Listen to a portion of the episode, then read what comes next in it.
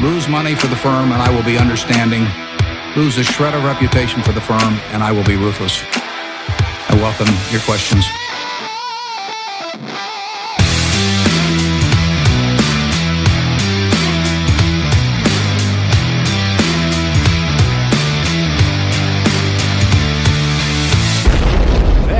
Till Kvalitetsaktiepodden. Det är jag som är Ola. Och det är jag som är Klas. Det här är avsnitt, avsnitt nummer 6. Vi spelar in den 14 december, mitt i adventstiden här. Eh, vi vill åter passa på att tacka alla som lyssnar på oss och alla som skickar glada tillrop och bra frågor. Och inte minst vill vi tacka Miljonär innan 30 eh, som nämnt oss på Twitter och sin utmärkta blogg. Även Spartacus och Lundaluppen har varit snälla mot oss på Twitter och det har gjort att vi har fått väldigt många fler lyssnare Ja. på kort tid. Tusen tack. Ja, vi hoppas vi inte ska göra er besvikna med det här avsnittet. Eh, jag vill också passa på att önska miljonär innan 30 lycka till vid den kommande självpensioneringen. Eh, Eh, Ja, det här blir ju vårt julavsnitt kan vi säga, för vi kommer inte komma ut med något mer eh, innan julafton här, så det blir lite festligare än vanligt, eller hur? Ja, vi ska försöka hålla uppe stämningen lite grann här. Se, se om det kan bli någon liten, eh, någon liten julklapp till lyssnarna här. Ja, Eh, för agendan för dagen är att vi ska gå direkt på den här utlovade buy and hold-portföljen då. klockrent. Ja, tio spännande kvalitetsbolag att äga för alltid. Ja, Mm. Så det öppnar vi med här. Eh, sen har vi en rapport här. Soff, soffliggarportföljen kan vi säga. Mm. Ja, Precis, det, det är inte bra när man ska rösta men i det här fallet så ska du bara ligga på soffan och inte göra någonting. ja nej, det är bra. Man kanske ska köpa på sig lite mer över, över tid om möjligt. Ja, i och för sig. Ja. Eh, rapport, eh, rapport kommit in, Clas Olsson. Ja, Claes Olsson blir den enda rapporten vi kommenterar här idag. Ja. Inte, inte jätterolig läsning, men det, det måste göras. det måste göras. Även, även om det är juletid. Ja. Absolut. Citatet, eh, starkt, idag starkt kopplat till eh, buy and hold-portföljen kan vi säga. Peter Lynch, Ja. han är ju buy and hold-filosofins mästare. ja, det får man säga. Ja, han har ju, ryktas ju att han, någon, någon gång har han ju ägt varenda aktie som finns på, på USA-börsen. Vi, Ja, jag tror han hade tusen aktier, jag, jag läste någonstans. Ja. Men han var, han, var så framgångsrik också, så fonden blev ju så stor, så till slut var han ju tvungen att ha i princip alla. ja, nej, det är fantastiskt. Veckans fråga, eh, vad tittar vi på i balansräkningen? Mm, det är intressant. Vi har mest pratat resultaträkning, vinsttillväxt och så hittills. Så att, eh, det är en bra fråga, ska vi ta. Och då innan vi drar igång med det här eh, vill vi påminna våra lyssnare om att aktieinvesteringar alltid innebär ett stort risktagande. Satsa aldrig kapital på aktier som du inte är beredd att förlora.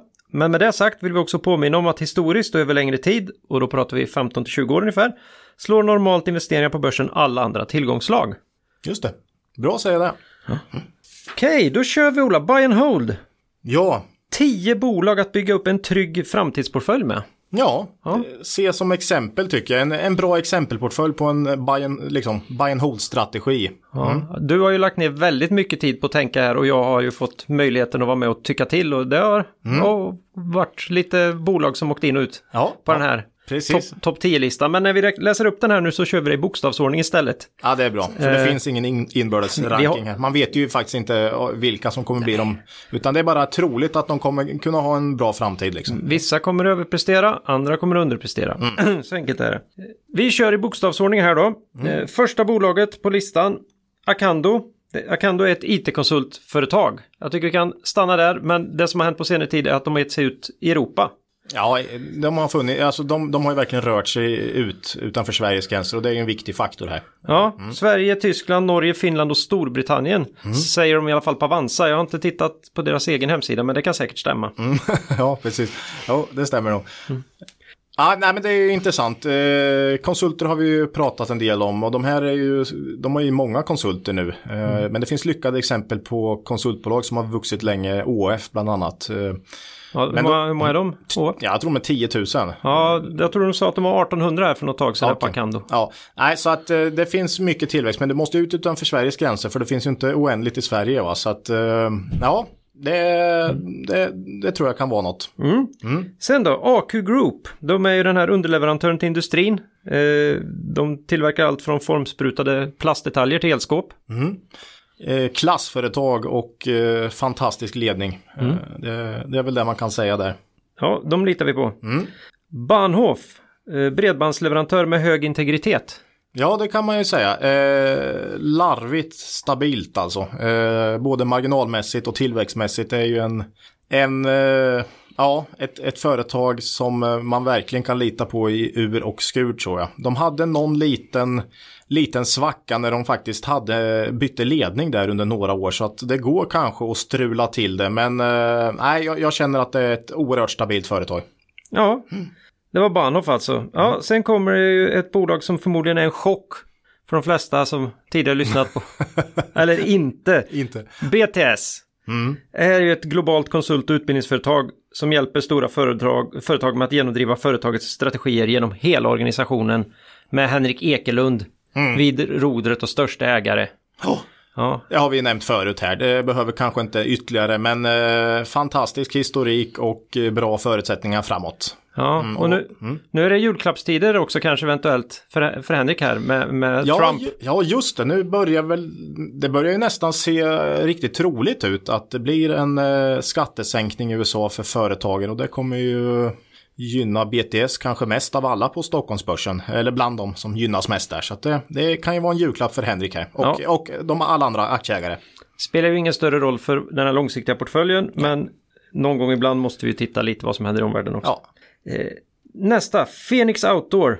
Ägare till affärskedjorna Naturkompaniet, Globetrotter, Party och Aita. fint uttal. Tack. Eh, märken som Fjällräven, McConken, Tierra och Primus. Det, det är skönt att få komplimanger för finskan av dig Ola som mig, mig Som- veterligen aldrig har du, har, Nej, jag- du har varit i Helsingfors va? Nej, men eh, nej. Jo, det har jag förresten. Jo, det har jag. Jo, det har jag. Och sen har jag kört lite sådana Finlandsfärger. Så att, Ja, eh, ja, okej. Ja. men då, då är det, då är det, Det, det okej. lät som finländska i alla fall, så, så kan vi säga. Och- Nej, men det är också... och De har ju fyllt 100 här också, de kommer bli vansinniga. Nej, fyllt 100, de har varit självständiga i 100 år. Ja. Nej, om Ja. vi har några finska lyssnare här så får vi ja, ha, ha överseende med vår, Ja. vårt uttal så att säga. Eh, nej, men det här är ju också ett företag vi har berört förut eh, med jättefina starka varumärken och den här typen av varumärken tror jag definitivt kan fortsätta oavsett lite vilka säljkanaler. Det, det kan funka online och i butik. Så att eh, ja, nej, jag tror det, det är ett fint företag. Nu bytte de dessutom vd här såg jag i veckan. Eh, Men det har väl varit lite, lite upplagt för det senaste året här. Ja, jag näm- jag nämnde ju det i senaste årsredovisningen va? Ja, så var det nog ja, precis. Och så tar ju Martin Nordin över som eh, ordförande istället. Mm. Och en succession som har, han har ju funnits i bolaget i tio år tror jag. Så att eh, det är ju, det är ju planerat till skillnad från Ratos eh, snabba vd-byte här. Mm. Ja, herregud. Men eh, ja, det är en meritokrati här också. Man eh, går inte vidare i familjen. Nu vet jag inte om det fanns någon sån uppgiven, eh, upplagd släkting så, men, men eh, nu, nu, nu bryts Mm. eh, familjevedeskapet här. Ja, eh, ja, en koppling till H&M där kanske. Man har ju pratat väldigt mycket om, om eh, Karl Johan, om han är rätt lämpad eller bara son i familjen så att säga. Så att, eh, ja. Ja, fantastiskt. Sen då, ER Systems, eh, global ledande tillverkare av program för, progra- för att programmera processorer i inbyggda system. Det här är ju riktigt kul business to business va? Det här används i allt från intelligenta mätare till industrirobotar. Ja. Det är väl ingen, det, om man har lyssnat lite på podden så vi har ju en förkärlek för business to business också. Det är ganska bra att ligga i bakgrunden och takta och framförallt som EAR Systems då som har mycket återkommande abonnemangsintäkter, licensintäkter. Det, de har ju bra tillväxt och eh, fantastiska marginaler och kunderna, det är mer bara eh, ackumulera på mer och mer intäkter över tid. Så att, eh, ja, ett jättefint bolag. Eh, Ja. Jag såg att de gick, eh, nu kommer jag inte exakt ihåg vilka de gick i partnerskap med, men de kommer också göra eh, dealar nu när de får del i slut, andelar i, i slutprodukter också. Okej. Mm. Så det, det är all, all, all, den typen av återkommande intäkter är ju fantastiska naturligtvis. Ja, inte billig aktie för tillfället, men den har aldrig varit billig och det berörde jag i något program. Jag tror den handlas P23 eller något sånt, men det är inte lika viktigt om man tänker 15-20 år. Eh, Det är mer vad är den framtida potentialen och tillväxten i bolaget. Det är liksom inte jätteviktigt om de betalar P16 eller 22 på nästa års vinst. Nej, de växer ju i det Ja. på, på några år här. Ja. Annars så är, har, har vi ju hittat, inte hittat rätt bolag eh, till, den här, till den här listan. Nej. Eh, det man kan säga om business to business också, det kommer några till här, men det, det, är, ju, det är ju det här med att, att de här säljer ju hackar och spadar till guldruschen. Just det. Så, så det spelar ingen roll om de här bolagen de säljer till hittar guld. Några gör ju det och det, det räcker, men de får sälja hackar och spadar till allihop. Ja, den som säljer hackar och spadar tjänar ju på varje hack, alltså den, den företaget kommer ju garanterat tjäna pengar. Mm. Det är ju inte säkert att själva guldletaren kommer, kommer gå plus va? Nej. Så är det. Så det där är viktigt att förstå. Ja. Eh, nästa, Nederman, expert på industriell luftrening, arbetsmiljö och minimala utsläpp till omgivningen. Ja, också ett sånt där företag som med fin historik och som borde ha en väldigt bra långsiktig potential med tanke på hur det ser ut på industrigolv och, och sådär. Eh, konjunkturkänsligt, men över 15-20 år så kommer det ju både vara upp och nedgångar så att det kommer liksom jämna ut sig över, över så lång tid skulle jag säga. Så att, mm. ja, det tycker jag platsar. Definitivt, vi måste ju sprida oss lite över branscherna här också. Ja. Eh, Proact IT, Håller din data säker antingen i ditt eget serverrum eller i molnet? Ja, nej, det är ju en, en bransch, ett, för, ett jättebra företag i en bransch som, som absolut, det känns som den bara kommer bli viktigare och viktigare. Och eh, ja, det tickar på i både hög och lågkonjunktur. Företagen väljer inte att liksom gå ner i, i it-säkerhet eller, eller så, utan det, det är sånt som alltid ligger högt prioriterat i budgeten. Så att, ja. Mm. Trevligt. Mm. Eh, kommande IT-säkerhet jätteviktigt. Ja, och datalagring. Mm. Swedol, mm. Eh, verktyg för proffsen. Amatörerna hänvisas till Jula. ja, så är det väl. Det är inte jätteofta man är på Swedol liksom själv. Men, eh, nej, men de har ju en tydlig nisch mot proffsmarknaden och det är en bra spridning på deras kunder. Givetvis kommer de dras med i i sämre tider för eh, alla industrier säljer mindre liksom. Men eh, ja, bra spridning, transport, bygg, eh, verkstad, industri. Så att det ja, mm. jättebra och Jord. välskött. Lantbruk. Lantbruk, precis. Ja. Så att det, nej, men det, det är ett jättevälskött och de kan växa mycket i Finland och Norge och, och så tror jag. Mm. Eh, man... Så att det finns tillväxt kvar, absolut. Ja, man, ska man hålla uppsikt här Ola? Jag, jag, kan tänka att de här, att Swedol kommer dras med ner här om NCC kommer med sin rapport idag. Mm. Var ju allt annat än vad. Mm, ja, NCC vinstvarnar idag ja. Och precis, eh, ja, Swedol har väl 25-30 procent tror jag, någonting som är relaterat till eh, byggsektorn. Men eh, ja, det är mycket eh, renovering och allt möjligt som finns i den, eh, mm. i, i, den packen. Men visst, det kan nog kanske bli lite tuffare och tuffa på med 10-15 procent i tillväxt kommande år liksom. Eh, ja. Men, men, det, men, det, blir en öppning här också tror jag. Jag tror att man kan få rea, det blir rea. Kan mycket väl bli rea. Så det gäller att mm. vara med här. Och företaget har ju fortsatt utvecklats bra här senaste kvartalet men aktien har gått ner. Så att marknaden börjar ta höjd för någonting och det får vi se om det verkligen blir så. Eh, ett klassföretag och välskött där i alla fall. Så att, mm. Mm. Ja. Sista företaget på den här eh, listan, Buy and Hold, mm. eh, Systemair. Sedan 1974. De tillverkar eh, energieffektiva fläktar, ventilationsaggregat och andra produkter för luftdistribution och luftbehandling kan man säga. Eh, ja, Skinnskatteberg. Precis, och, och också sånt där fantastiskt företag. Jag tror aldrig de har gått förlust med förlust något enskilt år och det gäller nog i stort sett alla de här bolagen. Eh, att så långt jag hittar i historiken så har de aldrig eh, gått med förlust. Uh, och det visar ju på en bra stabilitet och hur välskötta de är. Uh, mm. Men ja. uh, hur, har du, hur har du tänkt här nu Roland när du har satt ihop den här jo, grupperingen? Ja, nej men det är ju, det är ju som jag sa lönsamma, välskötta bolag med väldigt bra tillväxthistorik. det räcker inte bara med historik utan jag har även funde försökt fundera på hur kan det se ut framåt i de här bolagen.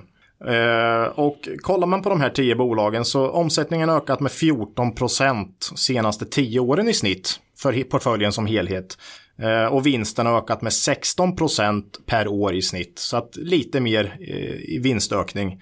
Eh, och det är ju, det tyder på att man kanske kan få då den här årliga avkastningen på 15 procent eh, något sånt framåt. Man kanske får dra ner det där lite. Det brukar ju, tillväxten brukar mattas lite med tiden. Men du har samtidigt en direktavkastning här på 2,5 procent som kan eh, fixa upp det till ytterligare, ja, med 2,5 procent extra då va. Mm. Eh, och dessutom så brukar ju börsen eh, över tid värdera upp den här typen av stabila bolag eh, lite grann. Så att P 1 höjs också. Så att jag tror absolut ja, den så kallade multipeln. Multipeleffekten ja, att mm. du över tid då får lite högre PE när du desto, desto mer stabilitet och, och trygghet du visar för aktieägarna. Så att eh, jag, jag, jag, tror den här ska kunna hålla 15% i totalavkastning eh, framåt då. Mm. Och det intressanta är här att det är ganska så ja, ganska lika börsvärde i många av de här bolagen. De ligger mellan ungefär 2 miljarder eller 1,5-2 miljarder eh, upp till eh, 4-5 förutom Systemair och eh, Phoenix Auto som ligger lite högre. Men det är ganska tight spann på nedre delen av midcap här. Eh, och det, det har blivit så också. Jag har tänkt verkligen så att de ska bevisat sig eh, ganska tydligt. Eh, så att de är tillräckligt stora för att det ska kännas stabilt men de ska ändå ha väldigt mycket tillväxt kvar. Jag menar 2 miljarder i börsvärde och H&M har 200 miljarder eller ja, ännu mer. Så att ja, det, det, liksom, det, det finns oerhört mycket tillväxt kvar här så att det är ju, det är ju en tanke bakom det så att säga. Och vi har ju Nibe till exempel som vi bollade innan. Jättefint, men det är ju 40 miljarder tror jag, något sånt där. Så att då börjar det bli lite så svårare om man ska kunna hålla en fantastisk tillväxt i, i 20 år till. Va? Eh, De så- kanske hör hemma mer i en utdelningsportfölj kan man tänka sig. Ja, ja.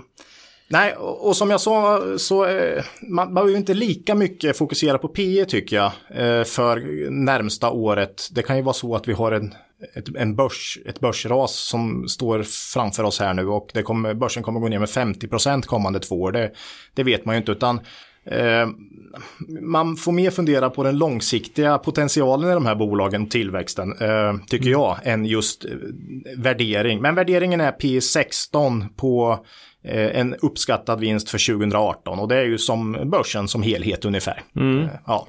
Nej, för att eh, det här, du har ju varit med så pass länge och vi har pratat mycket om det här och en, det är ju också en anledning till att kvalitetsbolag, de slaktas ju också vid en börskrasch. Ja. börskrasch. Alltså 2008 då åkte ju de bolagen som var med då, de åkte ju ner i källaren flera av dem också. Allt åkte. Skill- Skillnaden är ju att de här bolagen, dels är de inte beroende av sin värdering för de kan skaffa, finansiera sin verksamhet ändå när det blir behov, bara med sin fina resultaträkning.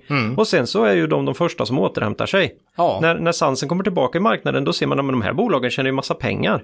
Det är ju kanon. Det är ju Mm. Precis. superbilligt det här. Och dessutom har konkurrenter kanske slagits ut. Eh, så att de har eh, en bättre marknadsposition när väl konjunktur, lågkonjunkturen är över.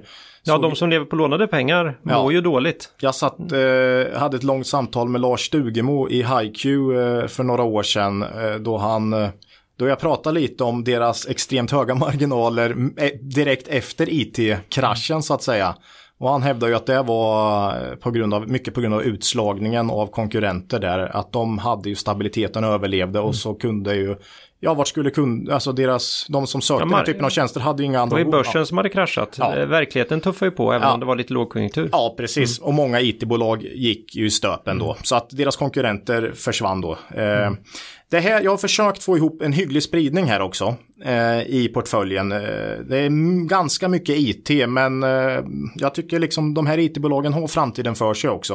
Eh, så att det väl därför det kanske har blivit så. Men även i tre industribolag här, AQ, Nederman och Systemair.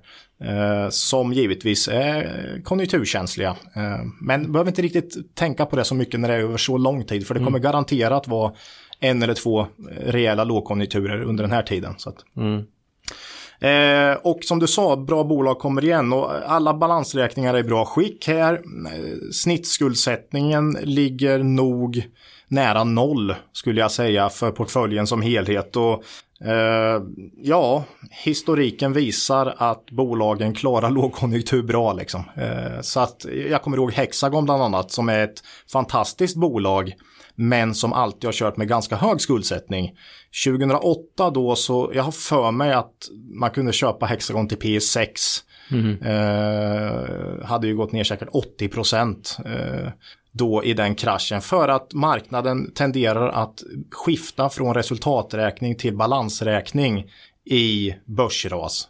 Eh, man börjar fokusera på worst case och oj, skuldsättningen i förhållande till årsvinsten och man börjar fundera på hur mycket ska årsvinsten ner här? Oj, det kan bli problem här för dem. Liksom. Man kanske blir så orolig som man blev i Hexagon då. Kommer de ens överleva?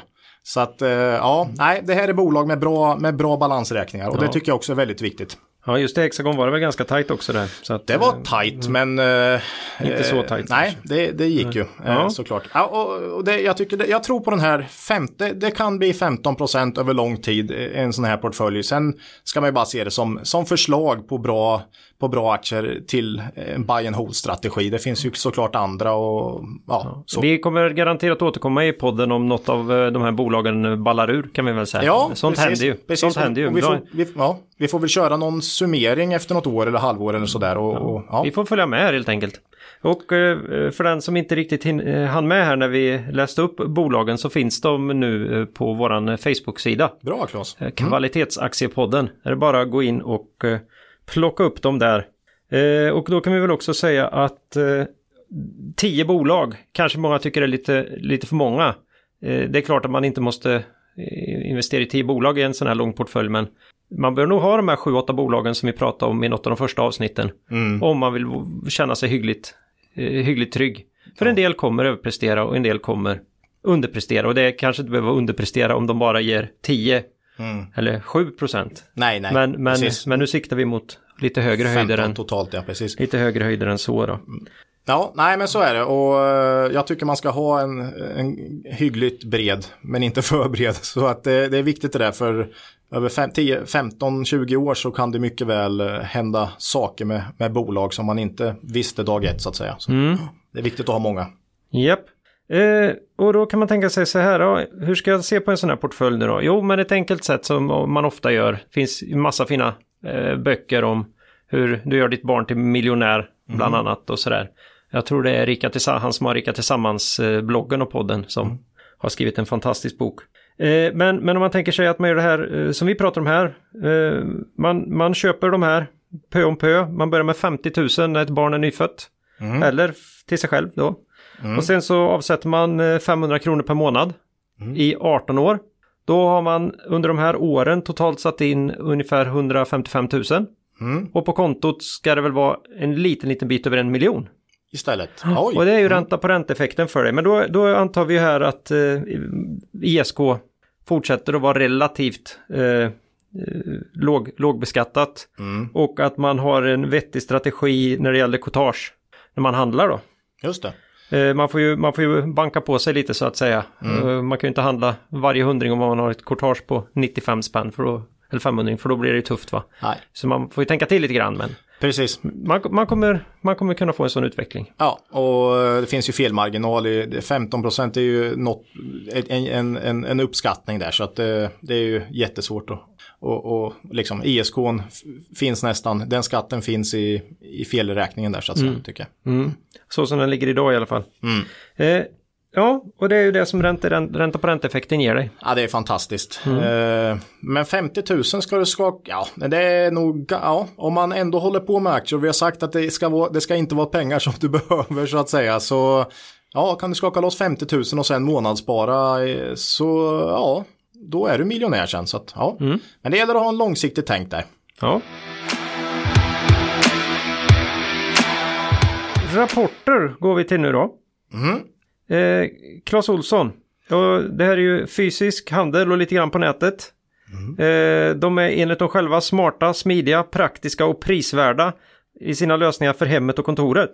Ja, eh, bolag jag har följt under lång tid och eh, ja, det är ju väldigt välskött och eh, de flesta vet väl ungefär vad Clas Olsson står för och gör. Eh, vinsten och själva resultatet i, Q- i, i Q2 här som det var för dem, eh, brutet räkenskapsår, så, så var det ingen större dramatik där, förutom att den stod stilla då, eh, både omsättning och vinst i stort sett.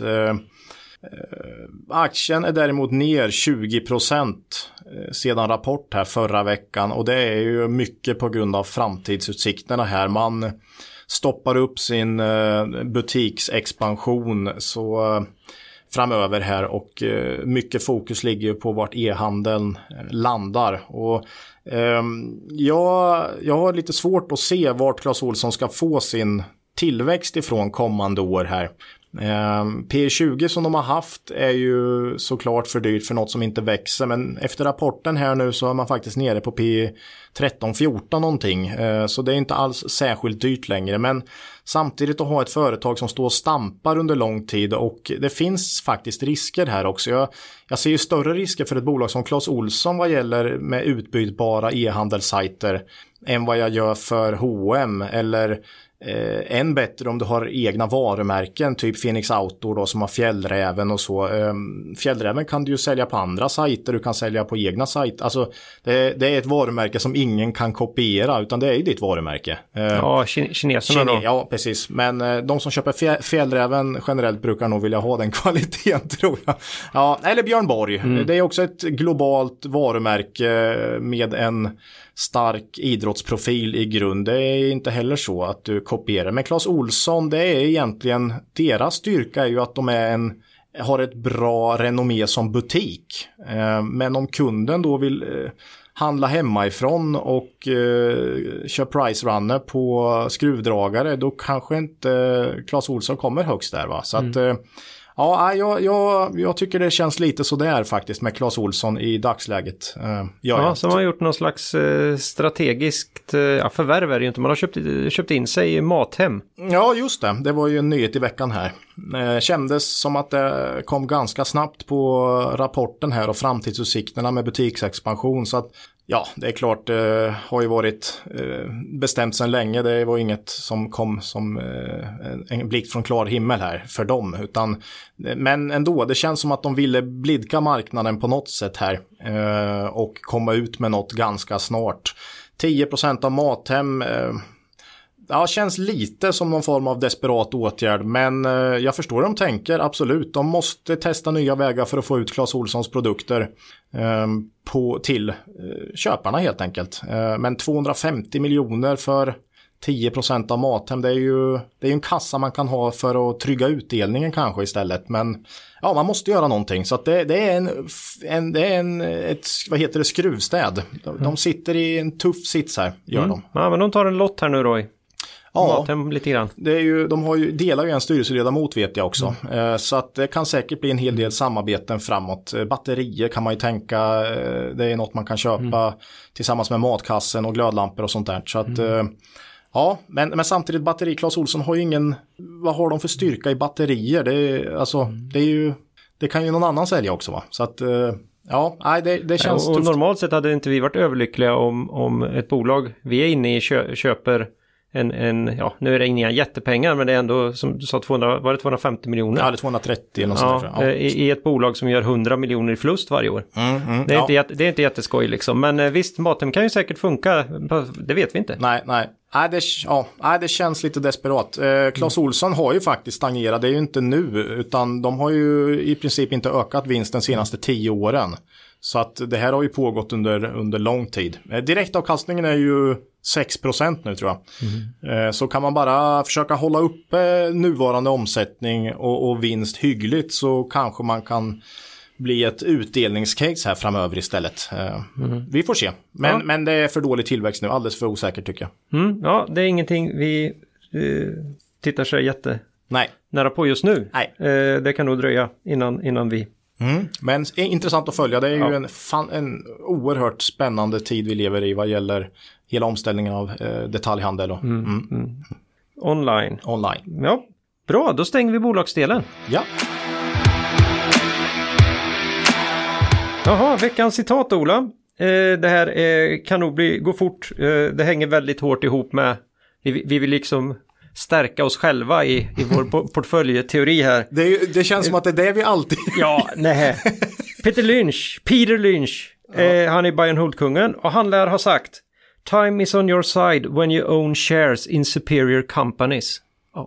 Ja, det är så fint. Ja, det är fint sagt. Eh, och det är ju det här med ränta på ränta och bra bolag. Att eh, du har tid och, eller du kan bara vänta. Du behöver inte göra någonting. Tiden gör ju att compound, att eh, ränta på ränta-effekten jobbar för dig. Va? Eh, många som har det tufft med den här, du måste vara snabb, blankare till exempel som jag egentligen.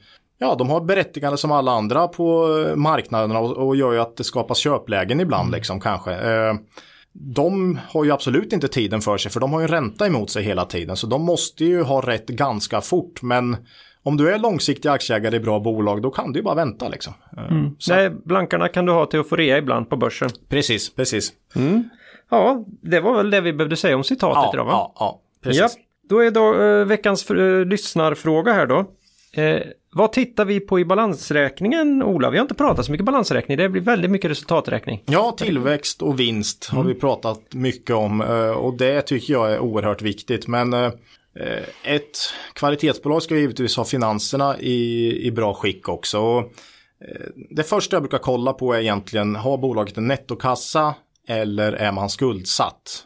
Det är liksom eh, och är man skuldsatt, alltså har du nettokassa då är det ju ett jätteplus såklart. Du kan ju använda kassan till många olika saker då. Och marknaden brukar faktiskt inte värdera kassan så högt, tycker jag.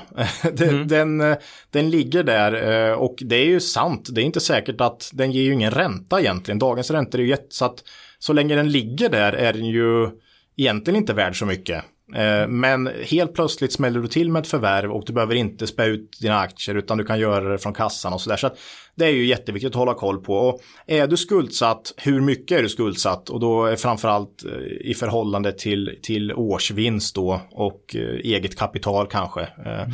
Ja, hur, länge, hur lång tid skulle det ta dig att betala tillbaka det här om du använder, använder din vinst så att säga? Ja, precis. Det vill man ju helst se två år, tre år max tycker jag. Annars börjar det bli riktigt jobbigt liksom. Eh, Så eh, ja, håll, håll koll på, på nettokassa. Eh, viktigt. Mm. Och sådana här tillgångar som inte är, på riktigt va? Vad, vad tycker vi om sådana? Ja, det finns ju nästan alla bolag, framförallt förvärvande bolag har ju goodwill. Eh, och det är väl egentligen det jag brukar eh, eh, alltid kolla av som punkt nummer två om det finns mycket goodwill eh, eller andra immateriella tillgångar då. Eh, för det där kan ju komma som en eh, julklapp, en omvänd julklapp ibland då att eh, bolaget måste göra en, en större nedskrivning av goodwill till exempel för att man har köpt för dyrt eh, någon gång. Så att eh, extrema poster med immateriella tillgångar är, är också en varningssignal tycker jag. De får inte vara för höga. Eh, så det var punkt nummer två och sen har jag en trea också eh, vad gäller balansräkning och där är faktiskt varulager tycker jag är väldigt viktigt att följa. Och det är ju bolag som producerar eh, prylar. Eh, eh, att man inte, att det inte skinner iväg. H&M har ju varit en sån varulagers eh, eh, problematik senaste tiden och det finns många andra exempel på när man har ganska tidigt kunnat se i varulaget eh, att någonting kan bli lite jobbigt framöver. Så att eh, håll koll på varulagret och hur mycket det ökar och hur stort det är. Mm. Och jag vet också när, när du tittar på eh, konsulter och bemanningsbolag och sådär, då tittar du ju naturligtvis på hur många anställda det är. Ja, just det. Utan fler anställda så är det inte sannolikt att de kommer kunna öka sin omsättning, inte i närtid i alla fall. Nej, och det är ju deras tillgångar. Eh, Ett, ett, eh, ett bemanningsföretag eller konsultföretag. Så att, eh, ja, det är ja, viktigt. Ja, det var balansräkningen i korthet. Ja, några viktiga punkter att hålla koll på. Ja, vi ska försöka hålla lite utkik i den här punkten och se om vi snappar upp något i vårt dagliga arbete. Eh, som vi kanske inte själva är riktigt uppmärksamma på, men Mm, mm, vi ska absolut. försöka vara lite duktigare där, för det blir ofta väldigt mycket resultaträkning och det är klart att balansräkningen är viktig också. Så att, Absolut, absolut. mm, Såg my- man inte minst på Hexagon då Ja. under, under eh, 2008 där. ja, bra fråga. Mm, mycket bra. Eh, bra. Är det faktiskt så att det har blivit dags att börja knyta ihop säcken, Ola? Ja, Och om eh, två veckor, då är det i mellandagarna. Då kommer vi med ett eh, kort avsnitt. Vad ska vi prata om då? ja, vi har samlat på oss en hel del frågor va, senaste, ja, de här första två, två, tre månaderna vi har hållit på. Eh, och de tänkte vi köra i ett frågeavsnitt då helt enkelt. Ja. Eller hur? Ja, definitivt. Och svara på lite mer grundläggande frågor också. Eh, om om eh, lite uttryck och vilka av alla de här vinst, vinsttalen som är relevanta och vilka Just som är det. mindre relevanta. Ska vi, ska vi försöka ge oss på då? Mm. Eh, och det ska ni inte missa och ni kan då mejla oss på kvalitetsaktiepodden med 2d at gmail.com eller kanske ännu hellre eh, kommentera oss på Facebook eller på Twitter där vi börjar få upp ångan lite grann. Ja, det är du som sköter det mesta av det där än så länge. Ja, nej, men det, det kommer du lära dig vet du. Men de här, de här bolagen är ju lite dyra att gå in i så att vi, vi får nöja oss använda deras produkter. Ja, nej men det är kul att få in frågor där på de olika flödena och, och mejl så ska jag antingen besvara dem hyggligt snabbt eller så samlar vi ihop dem till ett frågeavsnitt och, och tar många frågor då så att säga. Ja, nej, det börjar komma lite mycket nu men annars har vi ju nästan gjort både och. Vi svarar lite snabbt och sen tar vi upp Ja, det. ja precis. Ja, men eh, vi, vi, vi gör det som funkar bäst. Bra! Innan, innan vi slutar här då, eh, då är ju frågan om vi äger några av bolagen vi pratat om idag. Eh, ja, BTS, eh, Proact, Fenix. Eh, så att eh, då har jag väl egentligen bara några frågor kvar. Ola, är det något makro värt att ta upp idag? Ja, idag har jag faktiskt det. Jag, jag hörde att det kommer säljas ungefär 5 miljoner liter glögg i Sverige i år. Ja, ja, det, det får man ta med sig. Frågan hur man ska kunna känna. Men då, då ja. känner jag att jag vädrar lite morgonluft här. Då kanske det blir någon liten grej på teknisk analys idag då också, eller? Du, den enda köpsignal jag uppfattar är just nu behovet av att köpa julklappar till mina nära och kära. Ja, du är sent ute där Ola. Ja. Jag vet ju om det och det kanske vi inte ska avslöja i podden men eh, när vi ändå pratar om det här med julklappar då Ja, så, så tänkte vi ju att eh, ja, vår, vår husgud här är ju Warren Buffett. Det, Den som har missat det kan få reda på det igen här nu då. Och vad gör han om dagarna Ola? ja han läser böcker åtta timmar om dagen. Så att eh, då vill ju inte vi vara sämre och säkert inte våra lyssnare heller va? Nej. Eh, så vad ska man då läsa i jul? Ja, vi har några bra julklappar här då. Eh, vi kan väl börja med en klassiker här. One Up on Wall Street med eh, om Peter Lynch då.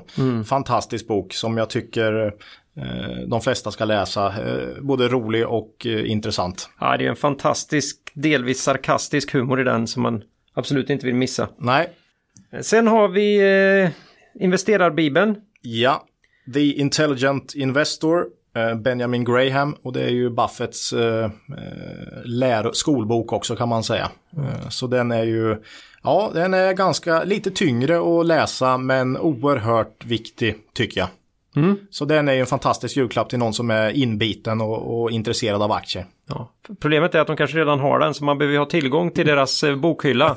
så att man inte... Ja, ja, Annars, annars blir de glada och kan de ge, ge bort den vet du. Ja, Så det blir kanon. Sen har vi ju, eh, när man har läst den, då kan man ju fortsätta att läsa The Buffett Way mm, mm, av eh, Robert G. Hagstrom. Svensk äktling borde han vara. Ja, det, det, det måste han ju bara vara. Ja, ja. Han, han gillar ju Buffett också så att det är ju rätt, rätt givet. Ja, ja, Ja. det- Den, det var nästan en- av de första, jag tror det var min första bok jag läste om Buffett där som fick mig in på värdeinvestering faktiskt. Eh, ja, den, den berättar på ett ganska lätt sätt eh, Buffetts eh, strategi och så. Mycket bra. Ja. Sen har vi en lite udda bok här också va? Som, ja, som är lite för alla, även för de som inte...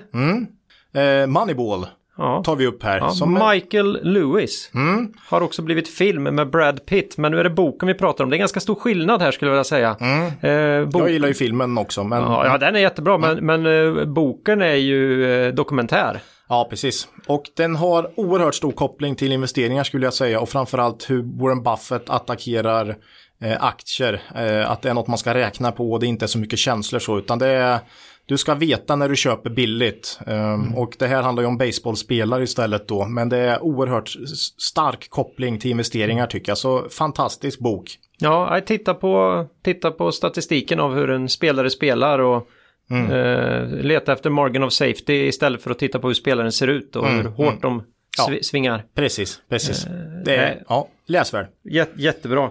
Ska vi ta en femte också? Ja, vi tar väl en riktig tegelsten då som Mm. avslutning här. Den här har jag nämnt i någon tidigare podd, eh, Stocks for the long run, eh, Jeremy G. Siegel. Eh, mycket tabeller och grafer om aktiers överlägsenhet gentemot andra tillgångslag över lång tid. Eh, och då menar jag minst 15 år då. Eh, Ja, det är en chock, chock att vi tar upp den här. är en stor chock. Mm, Nej, i dessa bitcoin-tider Ja, nej, fick jag in bitcoin nej i den här podden sagt? också. vi- Fan. Ja, jag, jag vet inte hur det känns. nej, nej. Jaha. Bra. Mm. Nej men det, det tror jag skulle vara en uppskattad eh, julklapp. Det skulle det vara för mig i alla fall. Och jag, jag hoppas det är det för väldigt, väldigt många andra. Eh, jättebra! Eh, men eh, då tänkte vi verkligen säga hej då här.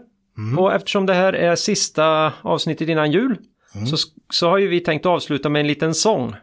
Ja, ja, så, så håll, i er, håll i er nu här för nu, nu händer det. Och eh, med det så vill vi önska er alla en riktigt god jul. God jul! här i vårt hus? Julen är kommen, hopp tralalala. Barnen i ring, dansa omkring, dansa omkring Granen står så grön och grann i stugan Granen står så grön och grann i stugan Tralalalalalalalalalalalalalala Och kom ihåg, det är först när tidvattnet drar sig undan som du får se vem som badat naken. Ja, den tror jag. Jag sprack ju på sista då. Det kommer alltid bli något tror jag. Fan. Lose money for the firm and I will be understanding. Lose a shred of reputation for the firm and I will be ruthless. I welcome your questions.